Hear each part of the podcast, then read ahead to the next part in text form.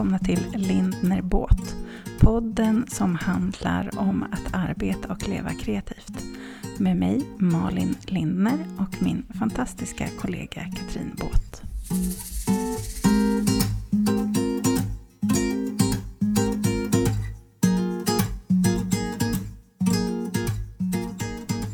Hej Katrin! Hej Malin! God morgon! God morgon denna soliga dag i mars. Precis vad jag skulle säga. Solen strålar in här i min ateljé och jag ser ju den bakom dig Mm. eh, på Zoom också. Hur härligt det är. Första torsdagen i mars. Mm. Är det någon... Det firas ju speciellt här nere. Visst gör det det? För att jag...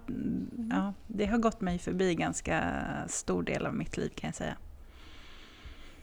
I Jönköping är ju det en nationaldag nästan. Då ska gudarna veta att jag inte gillar marsipantårta så att eh, jag är ju mer en semmelfantast. Finns det... Vad, vet du något om historiken bakom det där?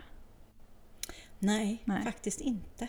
Men det är ju här, kommer ifrån krokarna, här neråt Småland. Precis. Någon som vet får skriva till oss och berätta. Precis, ja. ja. Käkade du semlor i tisdags? Eh, Jag käkade i måndags, Va? men faktiskt inte i Crazy. tisdags. Nej, det bara blev så. Aha. Gör ni själva eller köper du? Jag har gjort halv själva. Jag har hittat eh, väldigt goda bullar och så har jag gjort, eh, vad heter det, mandelmassan där själv. Mm.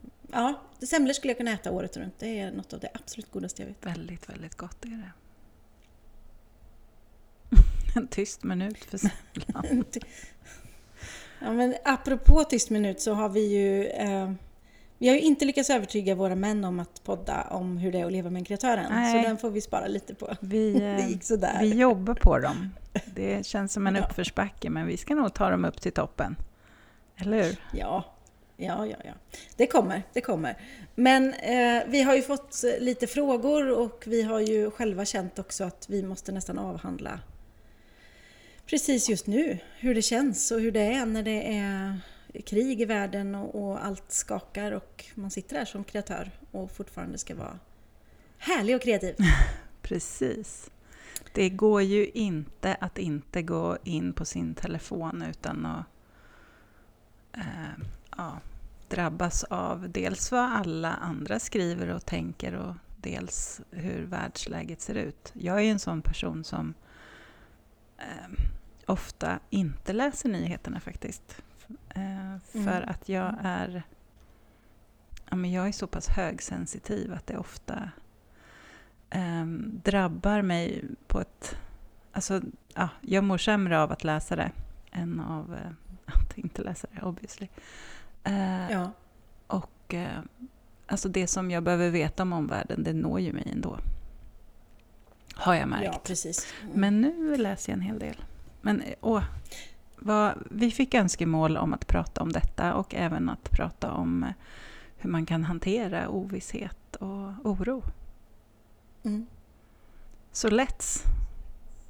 Ja, men det känns som ett självklart avsnitt precis just nu. För jag Ehm, tänker att vi alla har väldigt blandade känslor just nu om det mesta. Ja, och nu är den här skitpandemin nästan över då. Mm. Då kommer nästa. Mm. Alltså för det har ju varit en oro på många sätt såklart rent fysiskt. Men också för alla företagare och alla småkreatörer som vi liksom. Eh, Och nu kommer nästa grej. Mm. Ehm, Och jag känner att jag har landat i, alltså det är så svårt att vara kreativ. Det är så svårt att dra igång nya saker. Det är så känsligt att liksom tjo och hopp och hej. eh, Åh, vill ni komma på en workshop på den här fantastiska... Det blir liksom... Så just nu är det väldigt platt i mitt kreativa liv tänkte jag säga. Mm. Jag tycker det är jättesvårt. Mm. Det är ju utmanande, för det finns ju inga rätt och fel här. En sak som Nej. som slog mig och som drabbade mig var också hur... eh, Alltså, jag kände skam över att jag blev så påverkad av att det plötsligt var krig nära. För att det pågår ju egentligen krig hela tiden på andra ställen på jorden. Mm. Och eh, det berör ju inte jag, det, det sitter ju inte jag och tänker på varje dag i min vardag.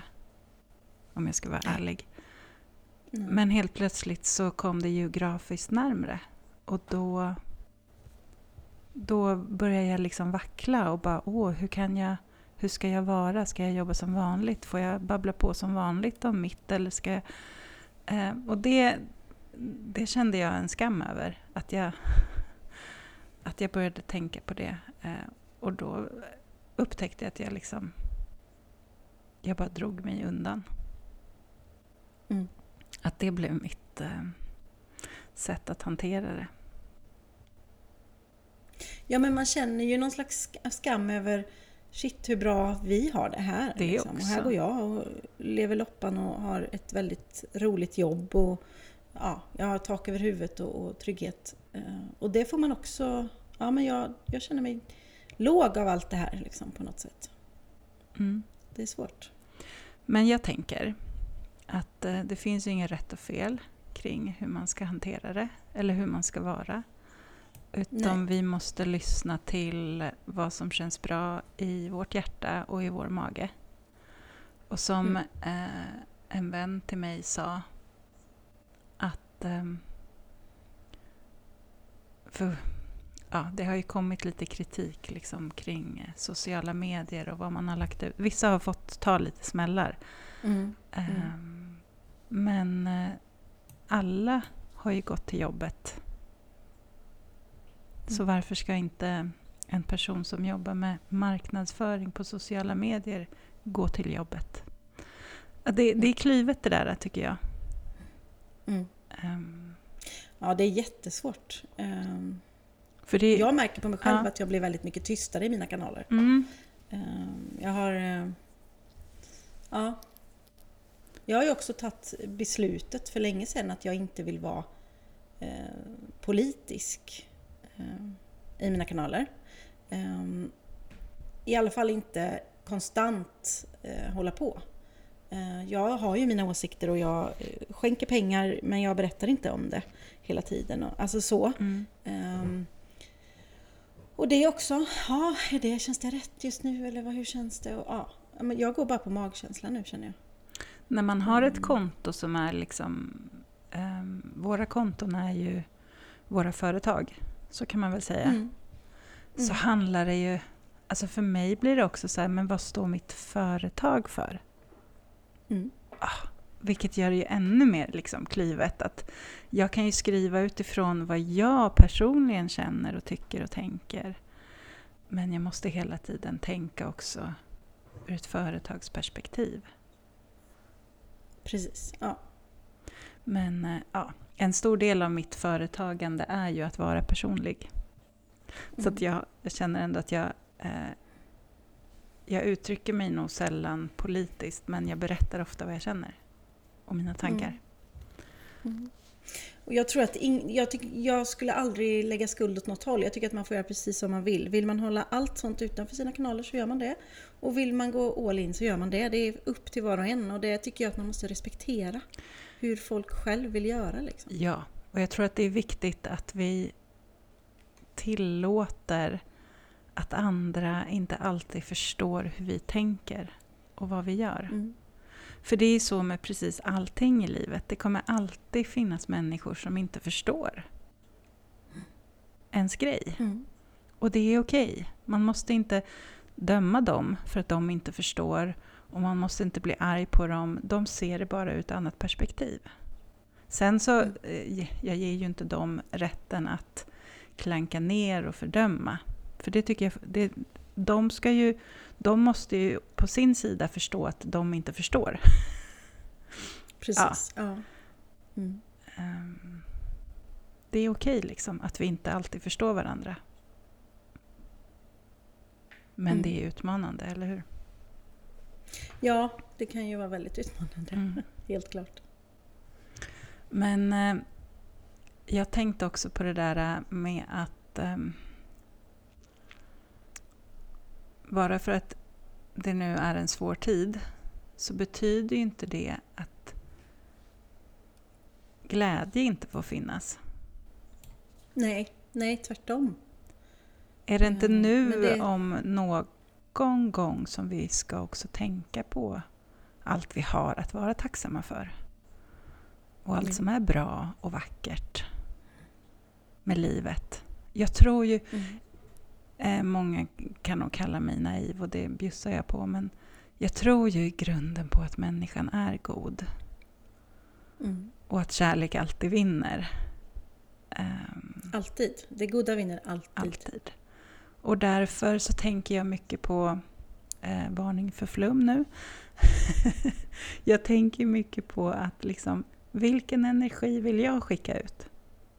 Mm. Vill jag vara nedstämd, oroad, mörk, då är det ju det som jag sprider till min närmsta familj. Och det är det de plockar upp. Och det är det de i sin tur sprider ut.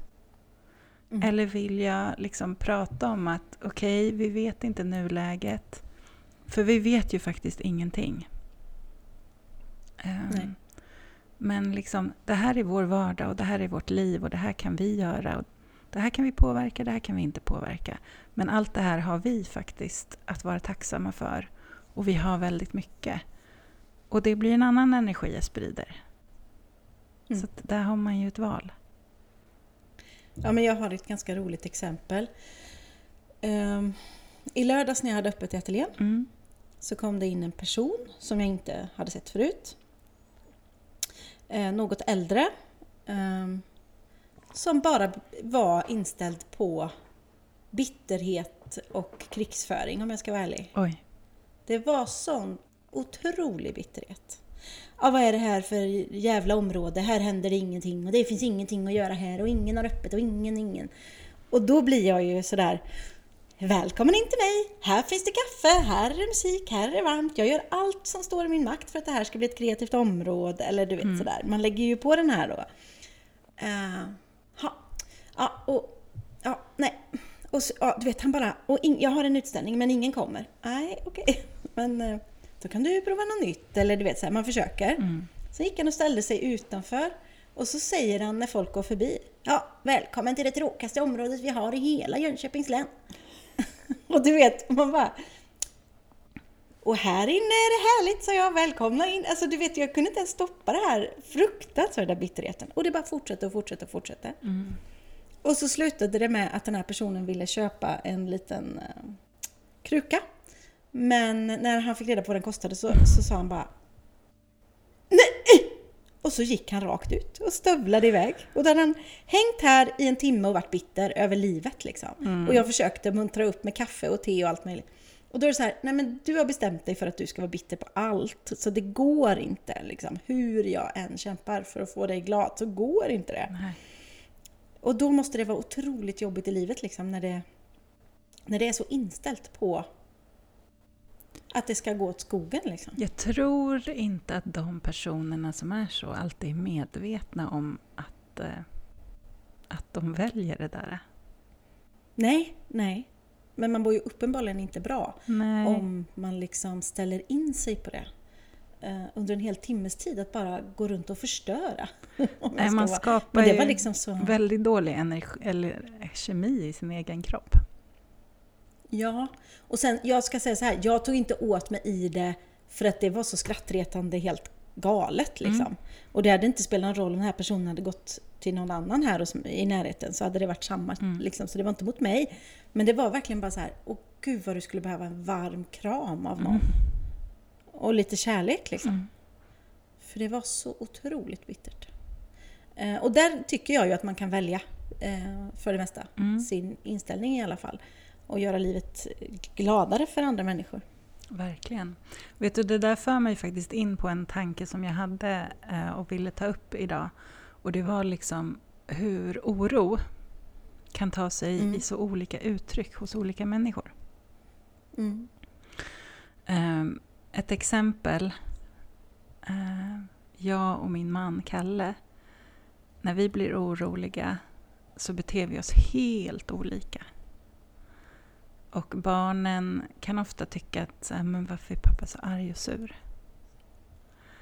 Eh, för de fattar inte att han är orolig. Mm. Eh, jag fick ju åka till akuten med min äldsta son här för några veckor sedan och då sa han så här, jag vill åka med mamma. För pappa blir alltid så arg. oh. Ja. Eh, men det är för att han, när Kalle blir orolig och känner att han inte har kontroll då blir han hård i kanterna. Mm. Mm. När jag blir orolig ehm, så blir jag inte hård i kanterna. Utan jag, det tar sig mer eh, fysiska uttryck för mig. Att jag, ja. Ehm,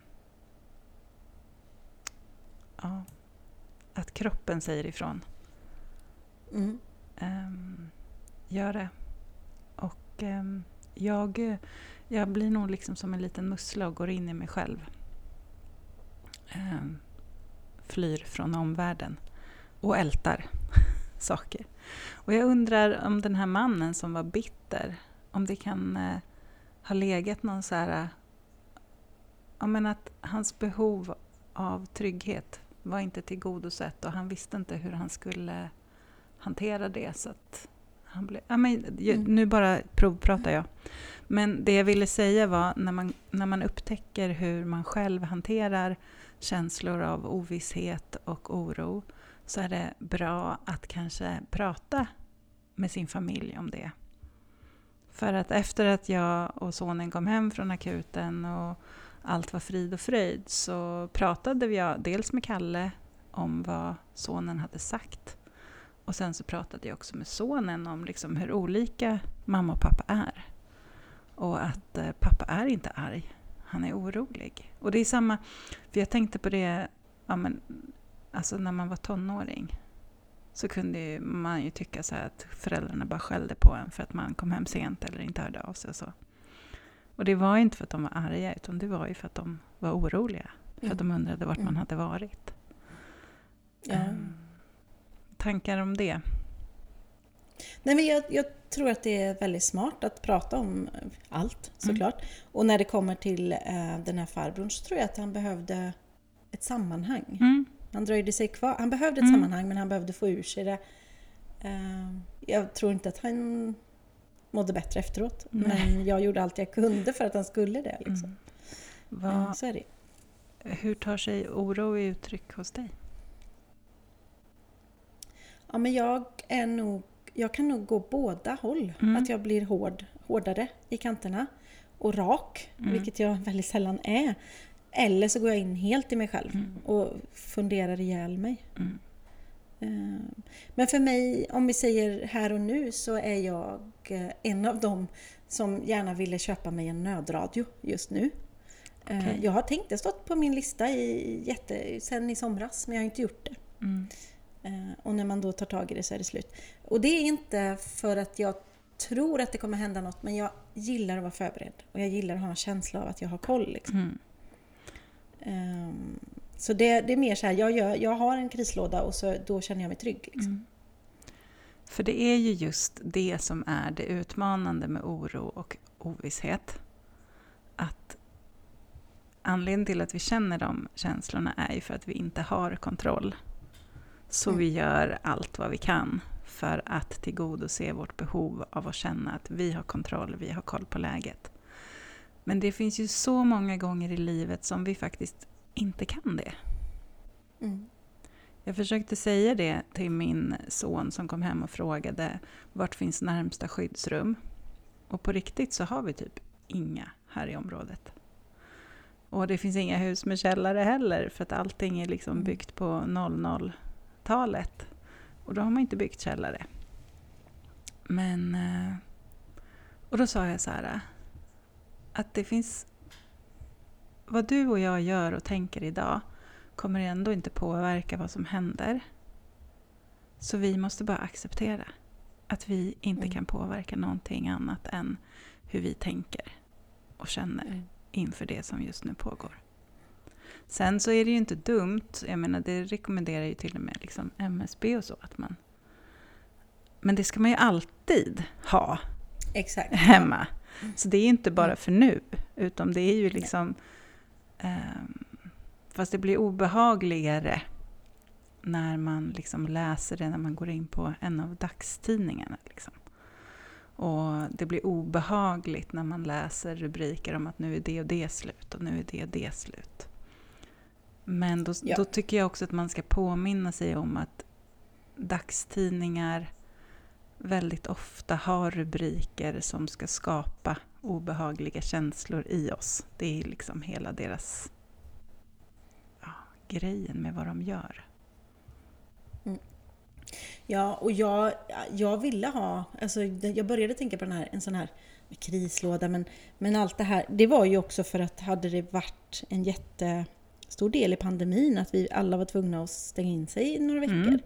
Det, är ju mer, det var ju egentligen då mer som det kom upp för svenska folket att just det, det mm. kan ju hända såna här saker. Um, men för, för, mig handlar oro jättemycket, oro jättemycket om att ja, men då har jag, har jag den där lådan, den står i källaren, jag vet. Mm. Eh, mina barn har kommit hem och sagt samma sak. och Okej, okay, det är närmsta skola. Det är mm. där ni går i skolan som är den närmsta och så finns det här och här.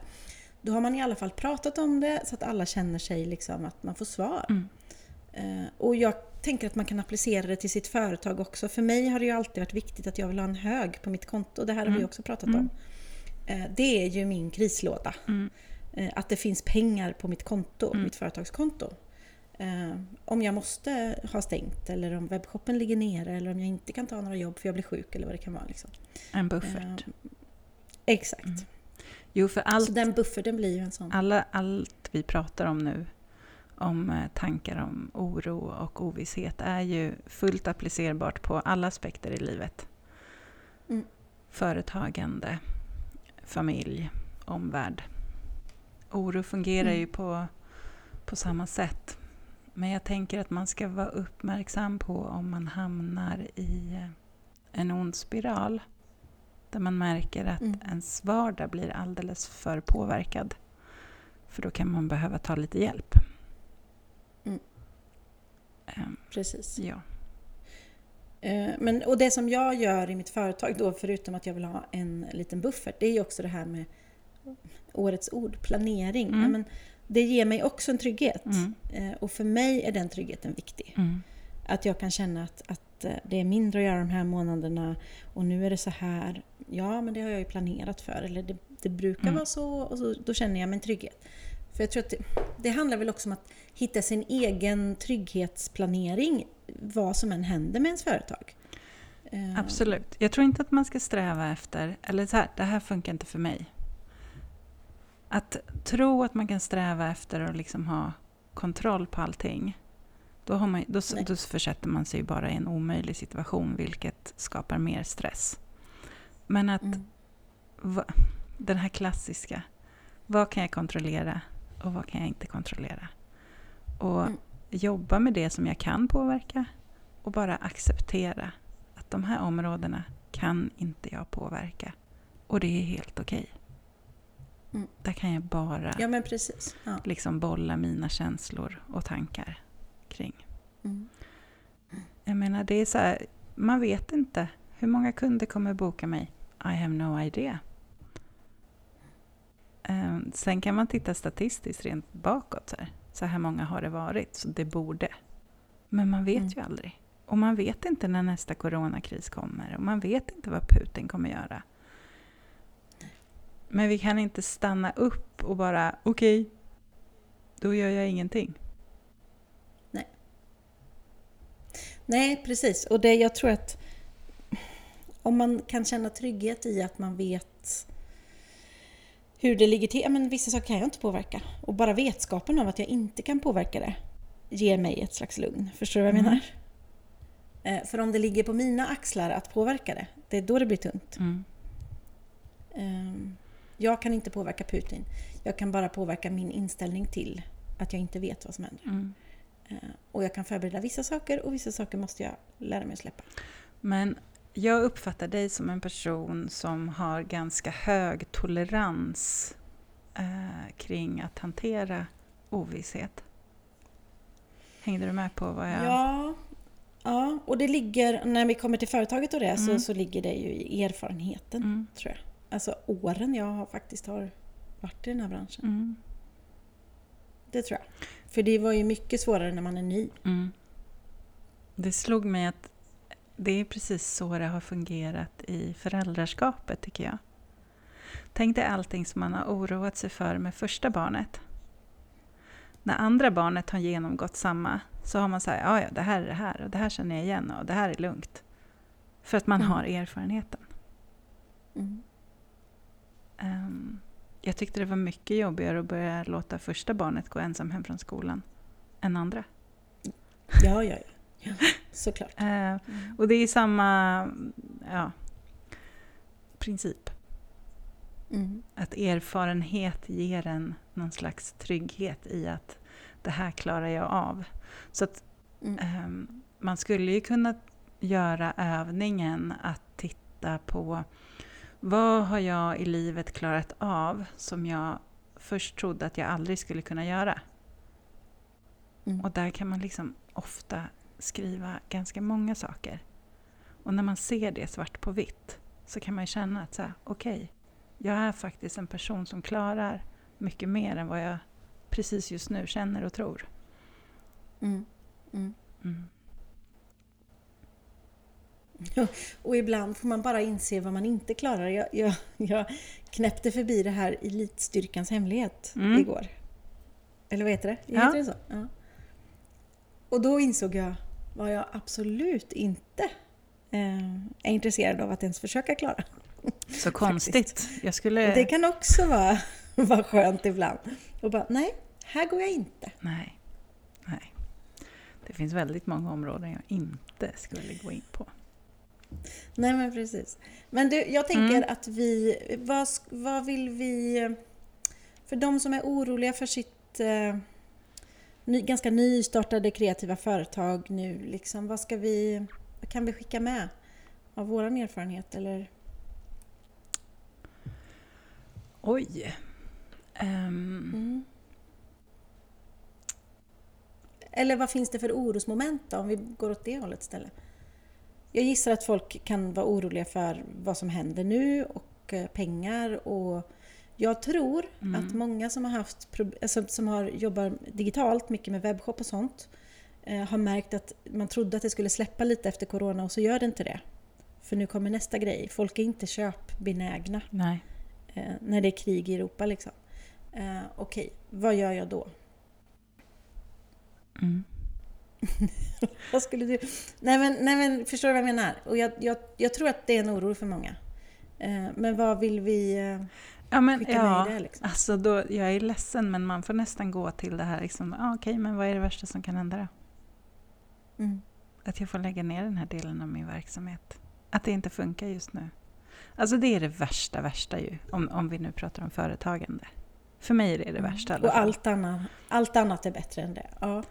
Um, och sen så får jag ju liksom märka att mina intäkter minskas drastiskt så får jag ju försöka anpassa mig. Mm. Vad kan jag ta bort? Och kan jag inte påverka det så måste jag ju fundera på vad kan jag få in för annat. Och då kanske jag måste gå utanför vad jag tycker är roligt. Mm. Um, det kan ju vara så att man i perioder måste ta ett deltidsjobb. Det är okej, okay, det är inget nederlag, inget misslyckande. Det är ju smart. Mm. För vad är, alternativet kanske skulle vara att köra företaget helt i botten. Men om jag tar ett deltidsuppdrag eller någonting så får jag in pengar som jag kan leva på så att jag behöver inte ta ut pengar ur bolaget utan bolaget kan liksom få, få finansiera mm. sig självt.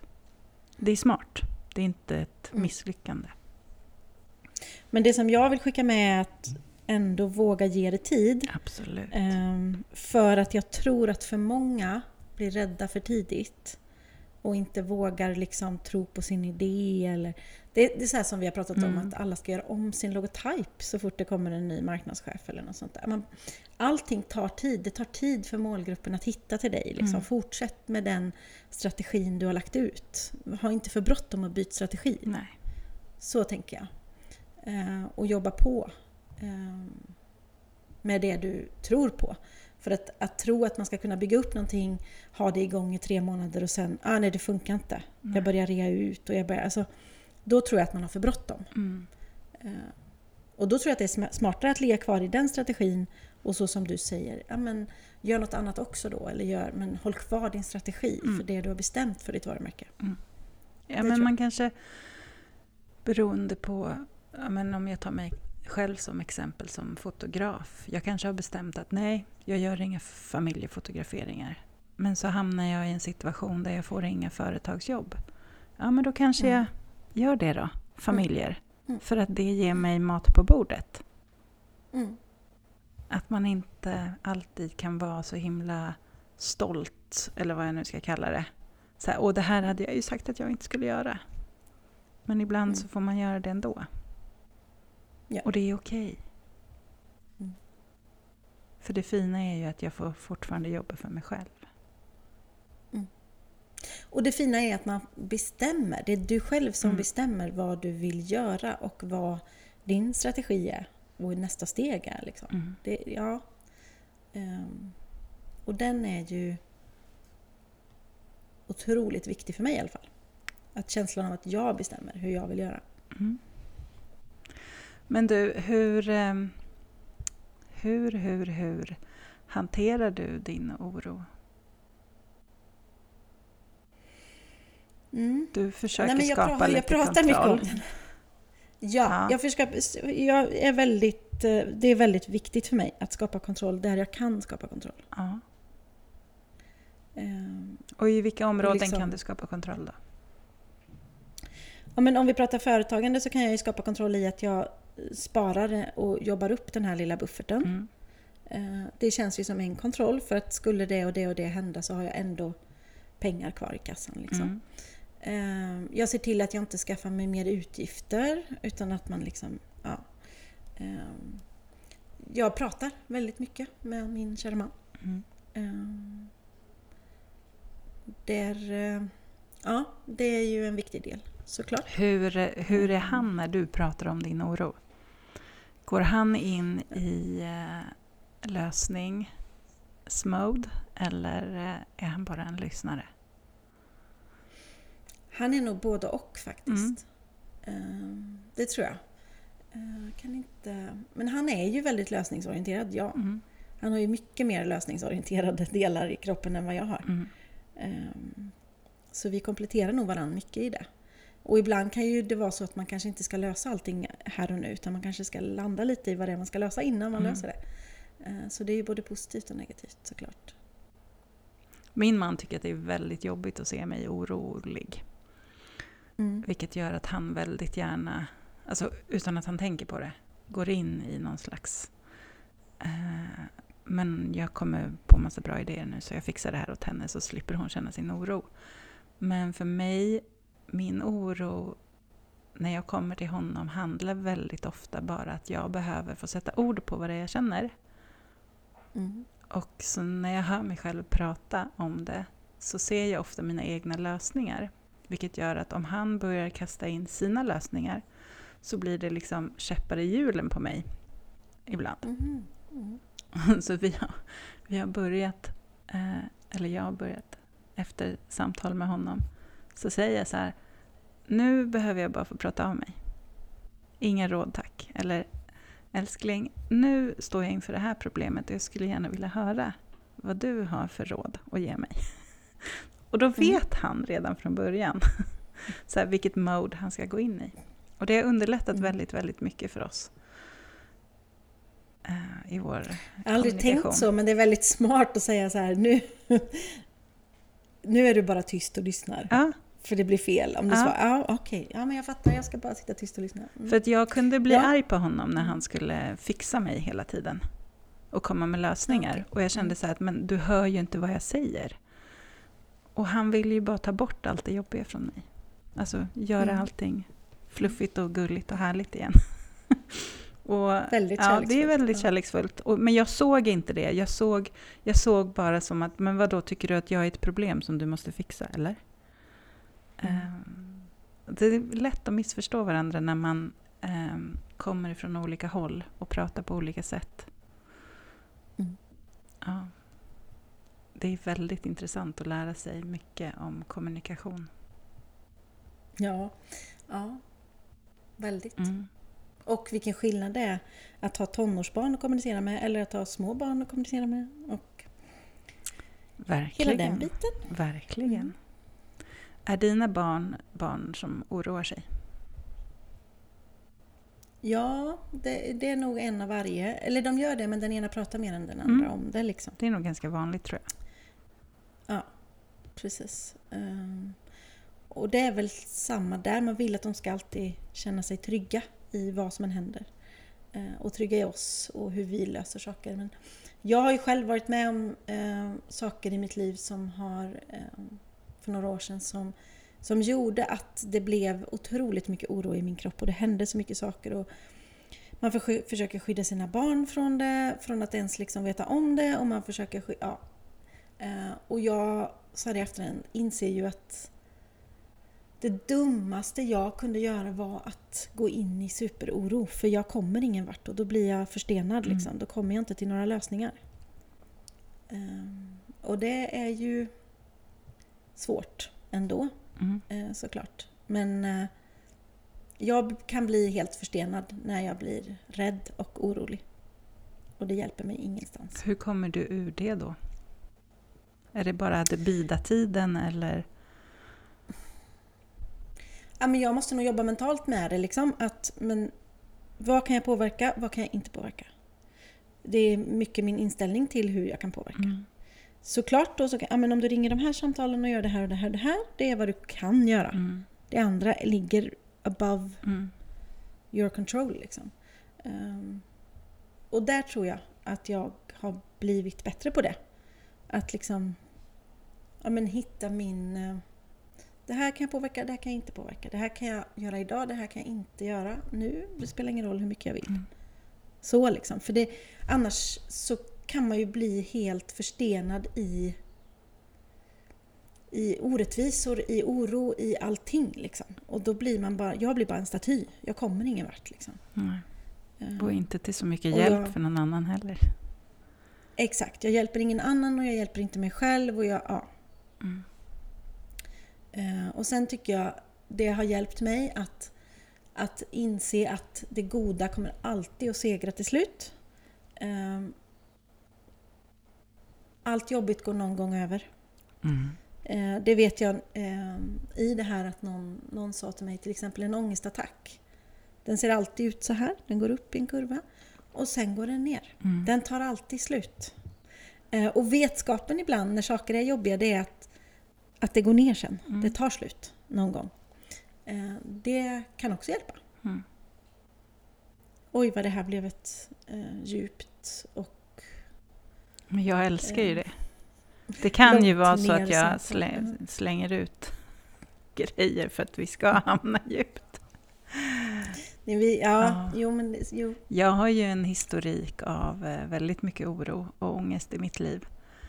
Ehm, dels genetiskt och dels alltså uppväxtmässigt.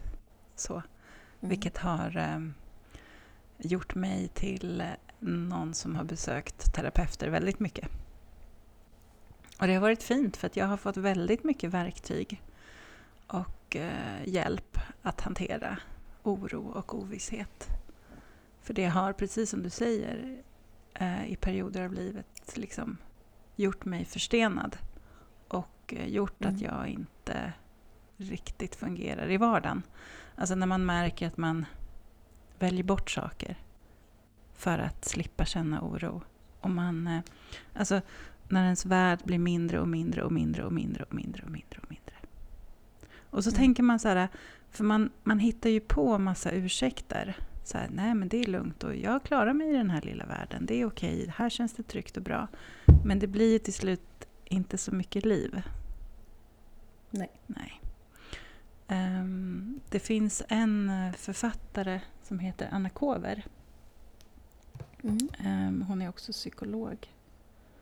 Hon har skrivit så många bra böcker, eh, varav en heter, den ligger här på mitt bord, Oro, heter den faktiskt. Att leva med tillvarons mm. ovisshet. Och eh, hon skriver på ett väldigt eh, enkelt sätt som gör att man även... Alltså, det är inte så jättemycket psykologiska termer. Eh, och den boken rekommenderar jag varmt om man är en person som oroar sig mycket och känner att oron har tagit för stor del av ens liv. Mm. Och hon... Eh, I den boken så ger hon exempel på hur man kan eh, träna upp sig i att acceptera ovisshet. Mm. Tror du att jag tänker Underbart. nämna några punkter? Eller? Jag hoppas det. Ja, hoppas. men det är faktiskt väldigt... Eh, några, beroende på vart man befinner sig som person i liksom hur mycket man brukar oroa sig för olika saker, så kan vissa av de här grejerna eh, framstå som rent provocerande. Det här, jag har ju fått jobba jättemycket med sådana här saker när jag har gått i KBT-terapi till exempel. Eh, en sak är till exempel att man ska ta större risker på riktigt. Då reagerar ju oron så här, är du dum i huvudet eller? Vadå större risker? Mm. Nej, nej, nej. Och då betyder det, alltså exempel kan vara så här, tacka ja till att gå på den där middagen. Eller ehm, tycker du att det är obehagligt att åka bussen? Åk bussen. Bara två stationer. Alltså att vidga, alltså att, att verkligen utmana och göra. För när man gör sådana saker så lär man sig till slut att det där var inte så farligt. Mm. Behöver man, mår man jättedåligt så ska man gå och ta hjälp. För då kan man få hjälp på riktigt. Eh, Men eh, ett sätt kan också vara att, eh, det här har jag jobbat mycket med, att bryta vanan att hela tiden skanna av tillvaron och leta efter faror. Mm. Kan du känna igen dig i det? Ja, verkligen. Eh, jag mår inte bra när jag gör det. Men det är sån jäkla autopilot på mig. Du vet, jag kommer till ett ställe och så bara, åh, där då, det skulle kunna hända och där och där och där. Det, jag gör det liksom utan att ens tänka på det. Men eh, jag har blivit bättre på att så här, bara notera och inte gå in i så här, oj, den där poolen där borta är jättedjup, dit får mina barn inte gå, till exempel när de var små. Eller oj, det där Mm. skulle kunna hända där. Eh, jag... eh, Min syster oroar sig idag mer än vad jag gör ehm, över vissa saker. Och eh, jag har ju märkt att mitt sätt att jobba bort min oro nu kan nästan provocera henne. Mm. För hon är så här, men du borde oroa dig för det där. Och jag är så här, nej, fast jag har ju gått i terapi tio år för att slippa det. Jag låter mina barn gå där. Nej, men det är jättefarligt, kommer hon. Och då så här, hon, hon, och min oro vill ju gärna bli igångtriggad, för att jag har ju varit där hon är. Mm. Men jag liksom måste ju mentalt bara, mm, nej, de får gå där, det är helt okej. Ibland så brukar jag skämta om att jag skulle kunna ha blivit världens bästa eh, riskanalytiker. ja, för att du kan se alla risker. Skitduktig på att se alla risker. Ehm, Mm. Ett sätt är också att, vad heter det, du vet hur man kan vara när man är orolig, att man hela tiden letar och söker andras bekräftelse. Gjorde jag rätt? Gjorde jag det här bra? Är jag omtyckt? Lalala. Att inte göra det. Mm. Mm. Den tror jag är jätteviktig. Att öva sig i att, men tyckte jag att det här var bra, så är det bra. Jag behöver inte eh, hela tiden bli bekräftad. Nej. Och behöv, alltså att, i att jag måste gå och söka det. Att Nej, bara släppa precis. det. Nu har jag pratat jättelänge. Vad har dina tankar? Jag har några punkter till. Nej, men jag, jag, apropå det här med eh, risk... Eh, Mm. jag, har, jag har jättesvårt att åka till en badstrand. Oh. Även om mina barn simmar otroligt bra. Eh, och hoppar från trean och tjofaderittan. Men alla andra runt omkring, har de verkligen koll på de här små knattarna som står där och där kommer den och nu springer den där och kan hoppa på det barnet. Alltså du vet, det blir, det blir för jobbigt för mig. Så undviker För att du det också det? finns en massa föräldrar som liksom inte ser sina barn utan sitter 700 meter bort och gör något annat när deras små tvååringar leker i vattenbryn. Alltså det går inte. Jag kan nästan inte vara på sådana ställen. För att jag tar ansvar för alla barn eh, som är i vattnet liksom. Det går inte. Spännande. Och det är ju stört av mig men också ja, men där är det något du skulle kunna jobba på. oro. Mm. För du är ju medveten om det. Jag är jättemedveten Ja. om det. Ja. Och, ja, men precis. Jag tror att vi... Alltså, vi vill ju gärna ha koll. Mm. Och det är ju inte dumt att ha lite koll på andras barn. Men du ska ju inte känna att du inte kan titta ner i din bok, om du har med dig en bok, när dina två barn ligger på handdukar bredvid dig. Nej men precis, precis. För det För är ju då- stört att jag då ska ta ansvar för Mm, alla andra. Ja. Precis. Okej, två, två grejer till då. Mm. Att eh, bryta kontrollbeteenden. Till exempel eh, ett kontrollbeteende kan vara att man måste korrläsa sina sms och mejl tre gånger innan man skickar dem. Att lära Yes, sig att acceptera, alltså att bara pff, trycka iväg det. För vad fan händer? Alltså då kan man, man kan ju börja, man kan ju Mm. börja, man behöver ju inte liksom eh, eh, börja med liksom när man ska mejla den här nya stora kunden. Men att, för vad spelar det för roll? Jag brukar skratta ibland om jag ser att jag har skrivit lite fel på sociala medier, något inlägg. Ja, så ser jag det så går jag in och ändrar det. Det är inte hela världen, det gör mig till människa. Men tycker du inte det är jobbigt i de fallen? För det är en sak om du skriver det och du kan gå in och redigera, men om du inte kan gå in och redigera? Då tycker jag att det är fruktansvärt. Ja, men vad händer? Nej, det vet jag. Det Fattar, händer ju Jag ingenting. Nej, jag vet. Men jag tycker ändå att det är jobbigt. Jo, jag förstår det. Men jag tränar. Ja, Mm. du tränar genom att göra vad? Jag tränar. Inte genom att med flit låta det vara där, men eh, jag tränar på olika sätt. Mm. Ehm, att, ja, jo. Jag är en kontrollmänniska, så är det. Mm. Men jag jobbar, försöker jobba små, små steg eh, bortåt. Mm.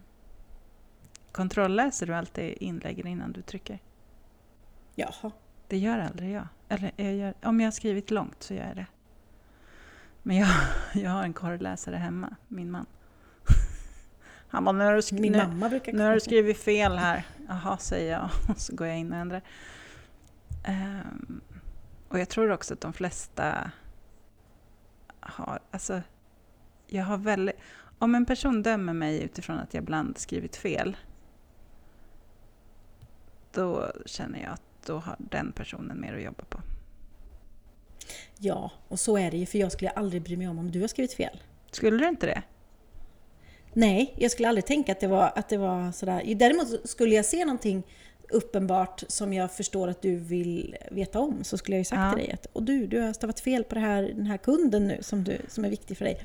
Eh, Men det är inte så att jag tänker att du är en jävla idiot som inte För har så kan jag tänka ibland. rätt, liksom. Att eftersom det? jag vet Ja. att du tycker att det är så viktigt att man stavar rätt. Så kan jag tänka ibland Att så här jag skulle Ja, tycka det så. kan jag. Att Nej, så här, så oj är nu det. har jag stavat fel här. Oj, hoppas inte Katrin hon ser det. Nej men gud! Nej, nej gud vad hemskt. Nej, det, för det, grejen är så här. Perfektionismen handlar om mig själv, Ja. inte om andra. Så är det jätte... Det, det är verkligen inte så. Mm. Jag tänker när jag ser att du, om du har stavat fel på någonting så ser jag mer att du är mänsklig. Men, och det är ju där det störda ligger i att varför får inte jag vara mänsklig då? Mm. Men det, så är det. ja, så är det. Okej, sista då.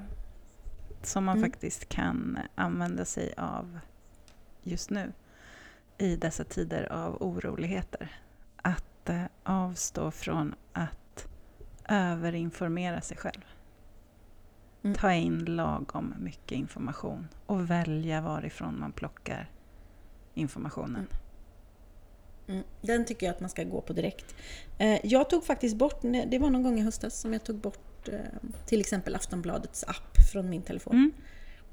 Mm. Eh, sen ska jag inte säga att jag inte går in på, på olika typer av nyhetssajter men då måste jag aktivt gå in i webbläsaren. Och le, alltså det ligger inte i alla fall inte där på första sidan längre. Eh, vilket känns skönt. Och man kan för jag behöver också inte veta allt. välja vilken, vilka man går in och läser på. För de har Mm. lite olika inriktning och lite olika sätt att skriva på. Verkligen. Eh, Och sen har jag börjat följa till exempel Good News Movement, tror jag de heter. Mm. Alltså så här positiva nyheter Mm. och det som är positivt. Eh, för ibland när man är inne och läser så är allt så... Då kan man ju egentligen bara tacka för sig när man har läst klart. Mm. Liksom. Ja, Eh, man kan ju lätt känna sig, men vad gör Mm. vi här och vad håller vi på med och varför fortsätter vi? Och det är klimatkris och det är krig och det är... Ja, är det någon idé att ens gå upp på morgonen kan man ju känna. Precis, ja. Och det är ju också inte så konstigt att huvudet börjar snurra om man föder sig själv med den informationen Mm. hela tiden, många gånger varje dag. Eh, Så välj är vad man matar sig med. Ja, Och ehm, verkligen. att inte fastna i för mycket ältande och negativa tankar. Utom att ja, men jag läste i eh, ja, någon som skrev i ett nyhetsbrev att försöka liksom att inte vara så mycket i huvudet utan gå tillbaka och vara i kroppen och känna liksom Mm. i hjärtat.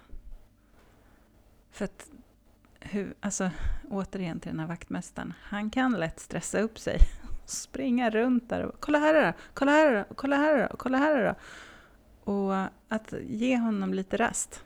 Det är lugnt. Du behöver Mm. inte springa och leta efter alla farorna. Jag har koll på läget. Du kan vila. Mm. Nu sitter vi bara här i det som är. Ehm, Men att eh, jag tycker man ska prata med någon om man oroar sig alldeles för mycket. Mm. För det kan vara väldigt Ja. skönt att bara sätta ord på det. Mm. Dels så hör man att oj, det kanske inte är så rimligt att oroa sig så där mycket på det där sättet. Och dels så kan man ju också då be om att få lite feedback och råd. Mm. Eh, Mm. och då välja vem man oroar alltså, så här, eh, Om man nu oroar sig jättemycket för krig och oroligheter och känner att man behöver prata med någon så kanske man inte ska gå till den vännen som man vet oroar sig mer. Nej. Precis. precis. Eh, för då kan det bli så att man eldar upp varandra. Mm. Sen ska man kanske inte gå till någon heller som säger så här, nej men sluta tramsa. För man behöver ju att någon tar ens känslor och tankar på allvar. Mm. Så det gäller lite att välja rätt där. Men jag är säker på att de flesta har någon. Och sen vara uppmärksam kan man ju vara också på människor i ens närhet. För det kan ju vara någon som behöver få prata. Mm. Eller hur? Ja. Du skulle frågat den där mannen, hur mår du? Vill du prata om någonting? Mm. Det har man inte alltid tid Och det med. Men, hade jag kunnat göra men det var lite andra kunder Ja. och lite annat här. men om man eh, träffar en vän och märker Mm. att hen är eh, inte sig själv. Mm. Så kan man Precis. passa på att fråga. Ja, Jag- Jag tänker Mm. så här nu för att få det här avsnittet att lite Pika. som eh, när man pratar på norska, du vet, så går man upp Ja. på slutet. Det blir lite glatt på slutet. Så känner jag att vi måste ändå jag vill avsluta med så här, ja men vad ska du göra nu då för positivt och härligt idag? Eller vad, hur kan vi få uppåt tjack på slutet? alltså på riktigt, solen skiner ju. Mm. Fåglarna i kvittnar, kvittrar. Det är så fantastiskt. Ehm, Mm. Jag börjar så fundera på vad jag ska börja så för frön och jag, ehm, jag ehm, ska åka till Gotland snart. Och jag ska, Va? ja, och jag ska börja skriva, börja göra intervjuerna till min bok. Alltså det är mycket nu som är härligt Mm. som jag väljer att fokusera på. Jag håller på att renovera köket. Just nu ser det ut som kaos. Men det kommer bli så fint. Mm. Sådana saker kan jag liksom välja att tänka på. När allt känns Mm. mörkt och motigt. Och ja, man det får renovera ett kök fastän det är krig. Mm. Kan, vi kan Såklart. inte sluta leva. Men vi kan skänka pengar och vi kan hjälpa på det sätt som är möjligt för oss. Precis. Och där tänker jag att vi kan också avsluta med att säga att om man skänker pengar till UNHCR just Mm. nu så är det ju en snubbe som dubblar allt. Ja, älskar det. att, ja, Stort hjärta. man kan såklart skänka pengar till vilket som helst Mm. men ja, det blir ju faktiskt dubbelt så mycket om man skänker dit. Mm, det är fint. Ehm, Vad ska du jag ska göra? också gå ut i solen. Mm. Jag ska öppna upp här och gå ut i solen. Jag ska ha ett roligt möte först och sen ska jag gå upp. Så ska jag fota lite till min webbshop. Jag fick lite nya roliga Mm. produkter idag som jag har eh, precis gjort klart. Eh, solen skiner, eh, himlen är blå. Mm, Det gör mig glad. mm. Mm. Fint det var att prata med dig. Ja, Mm. det var jättefint Malin. Nu vet vi inte vad vi ska prata om nästa Nej, det blir tar en härlig överraskning. Mm. Eller hur? Något bra blir det. Ja, och under tiden tänker vi att ni kan följa oss på Lindner Båt Mm. eh, på Instagram. Facebookgruppen är fortfarande under uppbyggnad. Eh, vi ska bara göra klart några små saker så att det blir ordentligt. Men håll utkik. Ehm, håll utkik, precis. Eh, vi syns om en vecka. Det gör vi verkligen. Ta hand om Kram. er allihopa. Mm. Kram. Kram. Hej! Hej då!